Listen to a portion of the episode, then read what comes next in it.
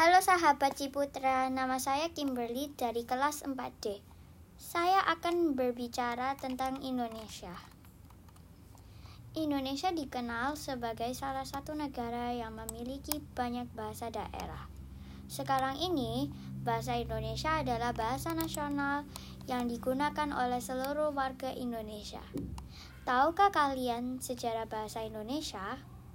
Awal mula bahasa Indonesia menjadi bahasa nasional sejak tanggal 28 Oktober 1928. Pada saat itu, para pemuda dari berbagai pelosok Nusantara berkumpul dalam satu rapat dan mengucapkan ikrar yang dikenal dengan Sumpah Pemuda. Nah, bahasa Indonesia lalu dinyatakan kedudukannya sebagai bahasa negara pada tanggal 18 Agustus tahun 1945 dalam Undang-Undang Dasar 1945.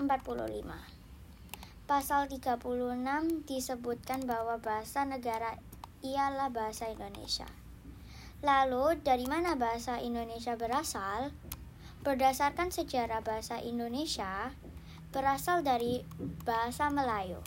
Bahasa Melayu sudah dipergunakan sebagai bahasa penghubung bukan hanya di Kepulauan Nusantara, melainkan hampir di seluruh Asia Tenggara.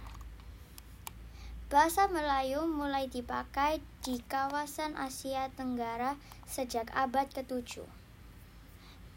Bahasa Melayu juga dipakai sebagai bahasa penghubung antar suku di Nusantara dan sebagai bahasa perdagangan baik pedagang antar suku di Nusantara maupun pedagang yang didatang dari luar Nusantara. Ternyata bahasa Melayu juga menggunakan kosakata dari berbagai bahasa seperti bahasa Sanskerta, bahasa Persia, bahasa Arab, dan bahasa-bahasa Eropa. Akhirnya, bahasa Melayu yang sudah bercampur dengan banyak bahasa itu kita kenal sekarang dengan sebutan sebagai bahasa Indonesia. Indonesia juga memiliki banyak suku seperti suku Jawa, Sunda, Batak, Bugis, dan Betawi. Dengan adanya banyak suku tersebut, membuat Indonesia memiliki keragaman budaya yang berbeda-beda. Selain memiliki banyak suku, Indonesia juga memiliki banyak tradisi.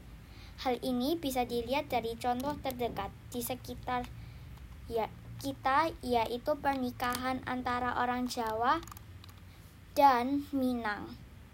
Sangat berbeda. Meskipun begitu, kita saling menghargai dan menghormati satu sama lain. Sahabat Ciputra, itulah sejarah singkat bahasa Indonesia yang sekarang ini kita gunakan. Jangan lupa mencintai negara kita.